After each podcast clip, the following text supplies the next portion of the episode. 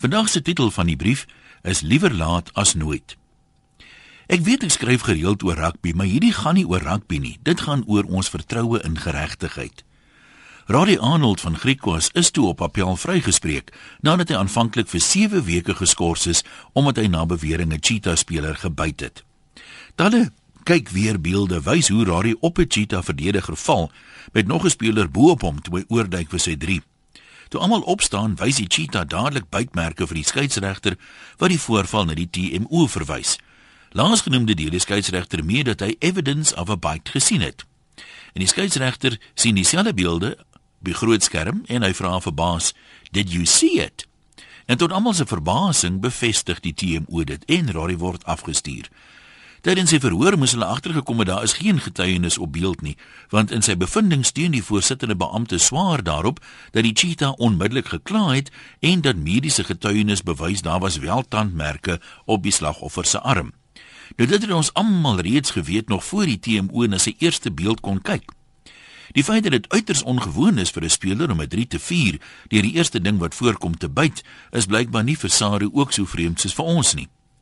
Maar meer as 'n week later bevind Saru op appel dat Roddy se weergawe, naamlik dat hy met sy oop mond op die slagoffer se arm geval het toe hy oorgeduik het en dat die byt veroorsaak is deur die afwaartse drukking op sy kop toe nog 'n speler in die proses op hom geval het. Dit was van die begin af die waarskynlikste verduideliking wat deur die beeldmateriaal bevestig word, soos ek ook voorheen reeds hieroor geskryf het. Maar nou mag 'n mens seker nie hardop wonder of die beamptes van Saru wat hulle verhore behartig, dan net so onbekwame soos hulle TMO is nie. Daar is egter selfs gerugte dat dit darm nie goed vir hulle beeld sou wees as die bevinding was dat daar 'n blaatante fout deur die TMO gemaak is nie. Wat ook al die geval is, beskuldigdes in tugverhore het sekerlik ook uh, die reg tot onskuld tot dit die skuld bewys is of geld die omgekeerde dalk hier.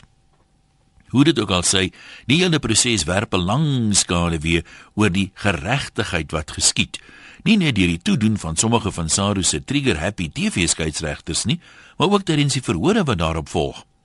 Net soos die publiek al meer skepties raak oor Suid-Afrika se regstelsel, so vertrou sportgeesdriftiges ook nie meer aldag Saru se verhore nie. Ons kla graag oor die Aussies en die Nieu-Zeelanders wat ons spelers so stief behandel in tugverhore. Maar ons eie mense vaar klaarblyklik net so goed. Of moet mense sê, faal klaarblyklik net so goed. Groete van oor tot oor. Anoniem.